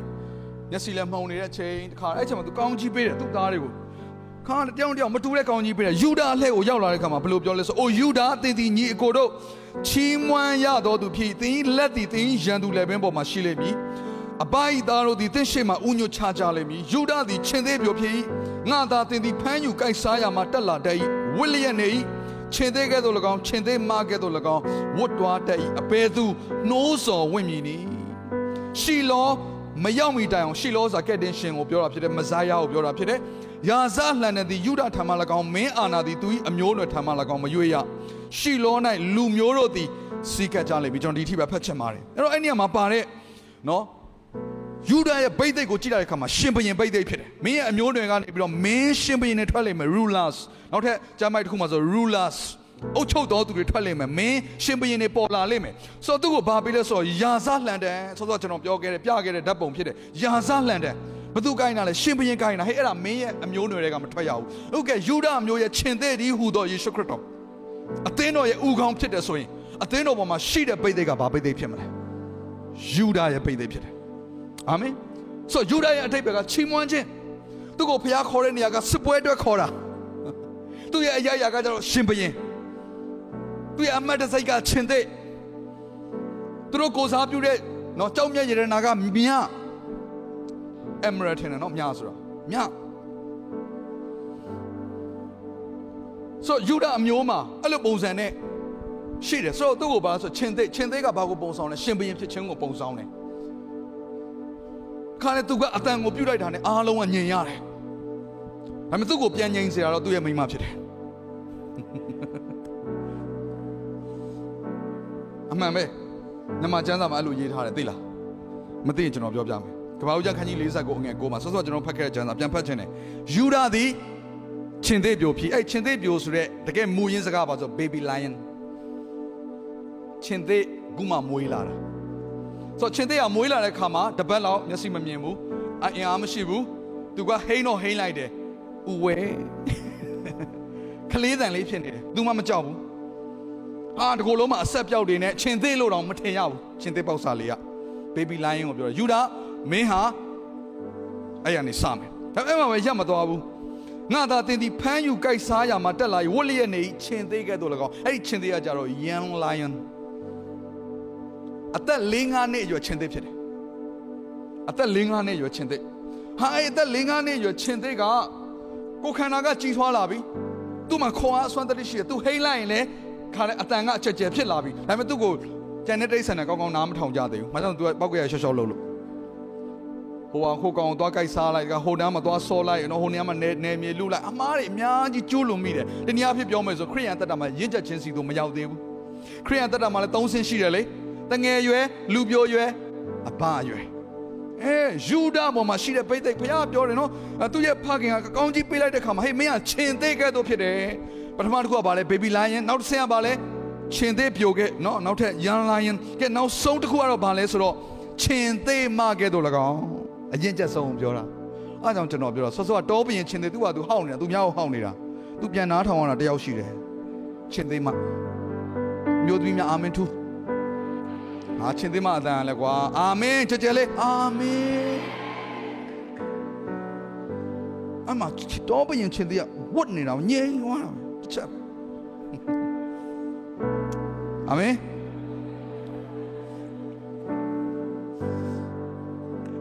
တစီရီတဲ့တော့မှချင်းသိမတွေအများကြီးပဲတော်ရန်ဝမ်းတာတယ်ဒါရစ်ချက်ချင်းကိုပြောနေတာစမ်းစာနဲ့ညီတယ် mature lion တကယ်ကိုဘုရားသခင်ရှေ့လူတွေရဲ့ရှေ့မှာအခွင့်အာဏာနဲ့ပြည့်စုံတော်သူဖြစ်လာတယ်ကျွန်တော်ဘဝတက်တာကိုကျွန်တော်ကြည့်လိုက်တဲ့အခါမှာဒီလိုပဲတစ်စင်ချင်းတစ်စင်တစ်စင်ဘုရားသခင်အခွင့်အာဏာကိုပေးလာတယ်ကျွန်တော်လွန်ခဲ့တဲ့၄-၅နှစ်ကမြကြီးနားသွားဘူးတယ်အဲ့လိုပဲစမ်းစာတင်ထဲမှာပဲကျွန်တော်တို့အသင်းတော်လိုက်ကြည့်သွားတာဒါ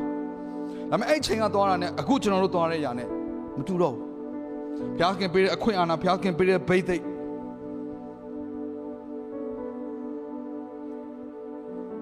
ဒီမြို့ပေါ်မှာဘုရားရှင်ပေးထားတဲ့ဆေလွတ်ခြင်းနဲ့ကောင်းကြီးမင်္ဂလာပရောဖက်ပြုချက်တွေကျွန်တော်သွားခြင်းအပြင်လွတ်မြောက်တဲ့လူတွေအသက်တာတွေမတူတော့ဘူးလွန်ခဲ့တဲ့၄-၅နှစ်ကကျွန်တော်မြကြီးနားကိုသွားခဲ့တယ်ဒါပေမဲ့အခုတော့မတူတော့ဘူးဘာကိုပြောနေရလဲရင့်ချက်ချင်းစီကိုတက်လှမ်းနေတယ်ညီကောင်မောင်တို့ဒီကျွန်တော်တို့ကလည်းတိုးပွားခြင်းရင့်ချက်ချင်းရှိတယ်ဆိုရင်သင်တို့လည်းတိုးပွားခြင်းကြက်ချင်းရှိတယ်ကျွန်တော်တို့ရဲ့အခွင့်အာဏာလည်း increase ဖြစ်နေတယ်ဆိုရင်သင်တို့ရဲ့အခွင့်အာဏာလည်း increase ဖြစ်နေတယ်အာမင်အချိန်တုန်းကတော့ရွာတရွာတဲ့ဖခင်ကပိတ်သိပ်ပေးတာဖြစ်နိုင်ပါတယ်ဒါဝိလို့ပေါ့ ဂေါလိယက်ကိုပဲသူကသူ့ချိန်မှာရက်ထားခဲ့ဂေါလိယက်ကိုနိုင်တဲ့ပိတ်သိပ်ပေါ့နောက်ကြတော့သူကယူဒအမျိုးရဲ့ပိတ်သိပ်ဖြစ်လာတယ်နောက်ကြတော့ဣသရေလတနိုင်ငံလုံးရဲ့ရှင်ဘုရင်ဖြစ်လာတယ်အစင်ပြီးတစ်စင်တက်လှမ်းခြင်းရှိပြီးတော့နောက်ဆုံးမှာဘုရားသခင်ရှေ့မောက်မှာသူကတကယ်ကိုရှင်ဘုရင်တယောက်ရဲ့အခွင့်အာဏာရှင်ဘုရင်တယောက်ရဲ့ရင့်ကျက်မှုမျိုးအိုးအရင်တော့ငယ်ငယ်တော့သူမှားခဲ့တဲ့အမှားတွေမမှားတော့ဘူး ရှင်ဘုရင်ဖြစ်လာတဲ့အချိန်မှာတော့မှသူဘုရားရှင်မှာအပြစ်ကိုပြုတ်မိတယ်ကြီးစွာသောအပြစ်ကိုပြုတ်မိတယ်ဒါပေမဲ့အဲ့ဒီချိန်မှာနောက်တစ်ချိန်မပြုတ်တော့ဘူးဘာကိုပြောနေရလဲဂါဝိတ်ဟာရင့်ကျက်ခြင်းရှိလာတယ်ဒီယူဒာမျိုးရဲ့ချင်းသေးသည်ဟူသောယေရှုကတော့ကျွန်တော်တို့အားလုံးစံနမူနာထားရမယ်အရင်ကျက်ဆုံးသောပုံသက်တွေဖြစ်တယ်။ဒါကြောင့်အေဖက်ခန်းကြီးလေးကိုကြည့်လိုက်တဲ့အခါမှာအသင်းတော်မှာခေါင်းဆောင်တွေခန့်ထားတယ်။ဘာအတွက်လဲဆိုတော့တဲ့ယေရှုခရစ်တော်နဲ့တူသည်အထိကြီးရင်ခြင်းပမာဏစီကိုယုံကြည်သူတွေတက်လှမ်းနိုင်ဖို့။ဩဘာရလေတိုက်ပြီးတော့လွင့်သွားတဲ့ တငယ်ကဲ့သို့သောအဆင့်မှာယုံကြည်သူတွေမရှိဖို့ရန်ဘုရားကအသင်းတော်မှာခေါင်းဆောင်တွေခန့်ထားတာဖြစ်တယ်။တော့ကျွန်တော်တို့ကအခုချိန်မှာအခုကာလမှာကြားနေရတဲ့ဟိုစကားဒီစကားဟိုတင်ကြားချက်တော့တခါတည်းမမှန်ကန်တဲ့ຢာတွေအထက်မှာနားဝင်မသွားဖို့ဆိုရင်သင်မှာရွေးချယ်စရာနီလန်တလန်းပဲရှိတယ်အဲ့ဒါကဘာလဲဆိုတော့မှန်ကန်တဲ့ဗိတ်သိက်မှန်ကန်တဲ့ဘုရားရှင်အသုံးပြုနေတဲ့အသင်းတော်ဒါမှမဟုတ်ခေါင်းဆောင်တစ်စုံတစ်ယောက်စီမှာဝန်ခံအနံ့မှုဖြစ်တယ်အာမင်ဆိုမြအသင်းတော်အဲ့လိုသွားရတာနော် ကဲတခြားတခြားလမ်းတွေရောရှိသေးတယ်တခြားအလံတွေရောကလာပါကတယောက်လာပါရလားဒီမှာစမ်းစားခုနကမြောက်တာအပေါ်မြောက်တယ်ရကဲဆိုဆိုလည်းအလံနေနဲ့နော်အများကြီးပဲလေဆိုဒါကိုဘယ်လိုခေါ်လဲဆိုတော့ကျွန်တော်တို့ဒီအင်္ဂလိပ်စကားမှာဆို banner လို့ခေါ်တယ် စစ်တိုက်တဲ့စကားတွေကြည်ဘူးမှာပေါ့စစ်တိုက်တဲ့အခါမှာဘာနဲ့သွားတိုက်လဲအရင်တော့ကအလံနေနဲ့ဆိုတော့ကိုကဣသရေလလူမျိုးတော့ဟုတ်တယ်ဒါပေမဲ့အမျိုးအနွယ်အလိုက်ဘိသိက်မတူဘူးခေါ်ခြင်းမတူဘူးဟာတော်တော်များတာပဲရအဲ့အမအမဒီနားလေးမှချတာဒီရှင်းနားလေးမှချတာချပြီးတော့အလံတစ်ခုတစ်ခုစီကင်လိုက်ပါဦးဒါတို့နှစ်ယောက်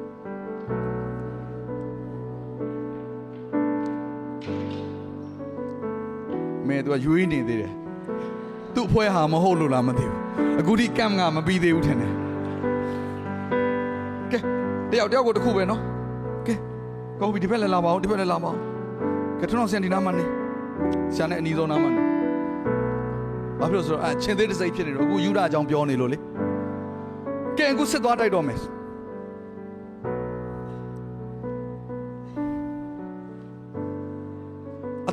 သူ့အမျိုးနွယ်လိုက်အလံကိုထောင်းရတယ်လေဘန်နာဟာအဲ့ချက်မဟေးငါတို့သွားရမယ်ဟေးဟိုမှာရန်သူတွေလာနေပြီဟေးဆိုအိမ်ကနေထွက်လာတယ်ဘယ်ဘယ်သွားမှလဲဘယ်သိဖို့လိုတယ်ဘယ်သွားမှလဲသိဖို့လိုတယ်ဘာကြောင့်သူအမျိုးအနွယ်လိုက်တာဝန်မတူဘူးလေယူဒာကအရှိဆုံးကနေချီမွမ်းခြင်းကိုသွားရမှာရှင်နေနေလေးတိုးပေးသူကစစ်တိုင်ရှိကသွားရတော့မှာလာတော့မယ်သူရဲ့ချီမွမ်းခြင်းနောက်မှာအနောက်ကသူ့အမျိုးအနွယ်လိုက်လာတော့မယ်အဲ့ချိန်မှာတင်အိမ်ကထွက်လာတယ်ဘယ်ဘယ်ဘယ်ဘယ်သွားမှလဲ အဲ့ချိန်ကျမှအဆင်မပြေဘူးနောက်ဆုံးသောအချိန်ကာလဟာဝိညာဉ်ပိုင်းဆိုင်ရာမှာတိုက်ပွဲတိုက်တဲ့ကာလဖြစ်တယ်။ရိတ်သိမ်းရာကာလဖြစ်တယ်။ချိုးဖျက်ရာကာလဖြစ်တယ်။အောင်ခြင်းကိုယူတဲ့ကာလဖြစ်တယ်ညီကောင်မောင်မတို့ဖခင်ရဲ့ခေါ်ခြင်းအတိအသီးမတူဘူး။ဘယ်ဘန်နာအောက်မှာတင်သွားမှာလဲ။ဘယ်ကောင်းဆောင်အောက်မှာဝန်ခံမှာလဲ။ဘယ်အသင်းတော်မှာတင်ရဲ့အသက်တာကိုစက္ကပ်မှာလဲစိုက်ပြိုးမှာလဲအရေးကြီးသွားပြီ။ဒါဟာဘိတ်သိမ့်နဲ့ဆိုင်နေဒါကလေးကစားစရာမဟုတ်ဘူး။ ဒါဟာအမျိုးနဲ့တစ်ခုလုံးနဲ့ဆိုင်နေ။ဒါဝိညာဉ်ရေးရဖြစ်တယ်ဝိညာဉ်ရေးရမှာသင် breakthrough ဖြစ်ကျွန်တော်အကုန်လုံး breakthrough ဖြစ်တာပဲအာမင်ကျွန်တော်သင်မှာဘာပဲပြည့်စုံပြည့်စုံဝိညာဉ်ရေးရမှာခြုံနှောင်ခံရရင်အကုန်လုံးရှုံးတာပဲဝိညာဉ်ရေးရမှာ breakthrough ဖြစ်ဖို့သင်ဟာဘိတ်သိက်ကိုဝန်ခံဖို့လိုတယ်ယူဒမျိုးရဲ့ခြင်းသိဟာလေလုယာယေရှုခရစ်တော်ရှင်ဘုရင်ယာဇလန်တန်ကိုကင်ထားတယ် ပေါ်မှာရှိ anointing breaker anointing ဘာကြောင့်လဲကျမ်းစာထဲမှာဘယ်လိုပြောလဲဆိုတော့စာလံ130နှစ်မှာသာရဘုရားသည်ရှင်အာနာတော်လှန်တံကိုဇိအောင်မြို့မှာလွှတ်တော်မူပြီးကိုတော်သည်ရန်သူတို့၏အလယ်၌အုပ်ဆိုးတော်မူလိမ့်မည်ရန်သူကိုအောင်မြင်တဲ့ဗိသိက်တခအခါဗျာဒိတ်ခန်းကြီးနဲ့ငါနဲ့ဆက်ခုမှာထိုးသူသည်သူတို့ကိုတန်လှန်တယ်နဲ့အုပ်ဆိုး၍မြေအိုးကိုခွဲဖြတ်တဲ့ကဲ့သို့ခွဲဖြတ်လိမ့်မည်ဟာလေလုယာဒီဘောမှာဘယ်ရာတွေကချုံနှောင်ညခံစားနေရတယ်သင်မိသားစုကိုချုံနှောင်ထားတာဘယ်ရာတွေလဲ ဒီနေ့ယူဒာမျိုးရဲ့ချင်းသေးဒီဟူသောယေရှုခရစ်တော်ရဲ့ဗိသိက်ဟာတင့်ပေါ်မှာတက်ရောက်လာပြီဆိုရင်တော့မြေအိုးကိုခွဲသလိုပဲအကုန်လုံးကျုပ်ပြတ်သွားမှာဝူးဒါရိစကိုစငါမှာလူမျိုးတို့ကိုဒဏ်ခတ်เสียဖို့ထက်သောတန်လျက်သည်ကတွင်းတော်တွေကထွက်ဤသူတို့ကိုတန်လှန်တယ်နှင့်အုပ်ဆိုးတော်မူပြီး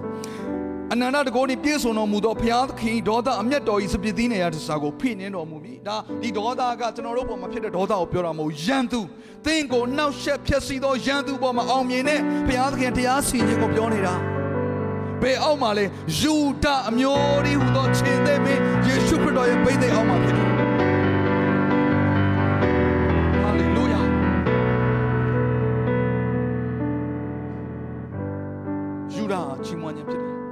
ယူဒအစဉ်မြဲတိုက်ပွဲတိုက်ဖို့ခေါ်ထားတယ်ယူဒရှင်ဘုရင်ဖြစ်တယ်ယူဒအုပ်ဆိုးခြင်းခွဲအာဏာရှိတယ်ယူဒချိုးဖျက်ခြင်းဆိုတဲ့တကိုယ်သူ့ကိုဘုရားပေးထားတယ်မြတ်တင်ကိုးကွယ်သောဘုရားကိုသင်သိမှတ်ဖို့လိုတယ်မီယိုဖလာကိုးကွယ်တဲ့ဘုရားမဟုတ်ဘူးရှင်ဘုရင်ယေရှုဘုရားဖြစ်တယ်ကျမ်းစာထဲမှာဖတ်ရတဲ့ယေရှုဘုရားတသက်မဟုတ်ဘူးတကိုးနဲ့ပြည့်စုံသောရှင်ဘုရင်ကိုကျွန်တော်တို့ကိုးကွယ်နေတာဖြစ်တယ်ဟာလေလုယာ သူ့ရဲ့ဘိတ်သိက်အောင်မှာကျွန်တော်တို့ကြည်ထွားဖို့လိုတယ်သူရဲ့ဘိတ်သိက်အောင်မှာကျွန်တော်အောင်ခြင်းကိုရယူတတ်ဖို့လိုတယ်သူရဲ့ဘိတ်သိက်အောင်မှာကျွန်တော်တို့ကနေရစတိုင်းမှာသူနဲ့တူလာဖို့လိုတယ်ဟာလေလုယာဒီကောင်မတို့ဒီအမှုရာဝိညာဉ်ရေးရာဖြစ်တယ်ခလေးကစားစရာတခုမဟုတ်ဘူးဒါကြောင့်နားလေပါဟေရှာယ20နှစ်အငယ်20နှစ်ကိုကျွန်တော်ဖတ်ချင်တယ်ဒါဝိမင်းမျိုးဤတကားတော့ကိုသူဤပခုံးပေါ်မှာငါတင်ထားသဖြင့်သူသည်အဘယ်သူမျှမပိတ်နိုင်အောင်ဖွင့်လိမ့်မည်အဘယ်သူမျှမဖွင့်နိုင်အောင်ပိတ်လိမ့်မည်အာမင်ဝူးဘ လောက်ပဲပိတ်ထားတဲ့တကားတွေဖြစ်နေပါစေဘုံကြီးသောရှင်ယေရှုနာမည်အချင်းတောင်ထာဝရတကားတို့တကမုတ်ကိုကြွလိုက်ကြဘုံကြီးသောရှင်ပြေဝင်တော်မူယေရှုဖျားဝင်ပြီဆိုရင်ဘယ်ရာတွေကခံနိုင်မှာလဲဘယ်ရာတွေကစီးတားနိုင်မှာလဲဘယ်တကားတွေကပိတ်ထားမှာလဲအကုန်လုံးဖွင့်ရမယ်အာမင်ထိုဘိသိက်အောင်မှာအကုန်လုံးချီထွားမယ်ဟာလေလုယာထိုဘိသိက်အောင်မှာအောင်ပွဲကိုခံမယ်အာမင်ထိုဘိသိက်အောင်မှာကျွန်တော်တို့အောင်အားလုံးမှာချီထွားရတဲ့ယေရှု